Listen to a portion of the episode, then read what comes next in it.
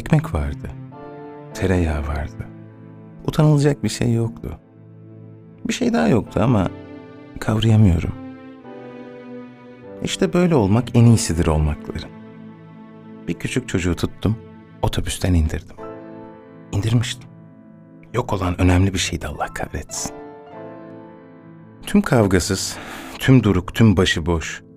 Üç sayı, kötü bir sayı. İyi şiir dinledim. Çıkıp okudular, durup dinledim. Bitmeseydi daha dinlerdim, kötü mötü.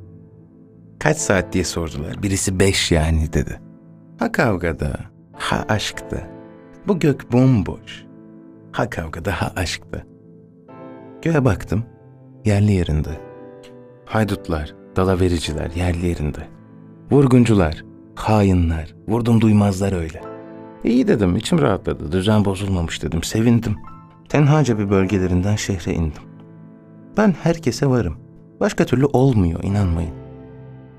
Bakın bu şehri ben kurdum, ben büyüttüm ama sevemedim. Ekmek vardı, tereyağı vardı. Söylemiştim bu önemlidir. Utanılacak bir şey yoktu. Kime anlatmalıyım? Ben sevmezsem, sevmek kimselerin elinden gelemez. Bizi tutkulara çağırdı, otobüse, sosise, buzdolabına, telefona, sinemalara, radyolara, bir sürü kancık sevdalara, sürü sürü mutsuz alışkanlıklara, yalana, dolana, itliklere, keten elbiselere. Sonra karısı öldü o çocuğun. Yalnızdı, güçsüzdü, herkesler gibiydi. Kirlendi, kötülendi, sarhoşladı, pis karılara dadandı. Anladık. Onu ölenden başkası kurtaramaz. Ölen de kurtaramamıştı.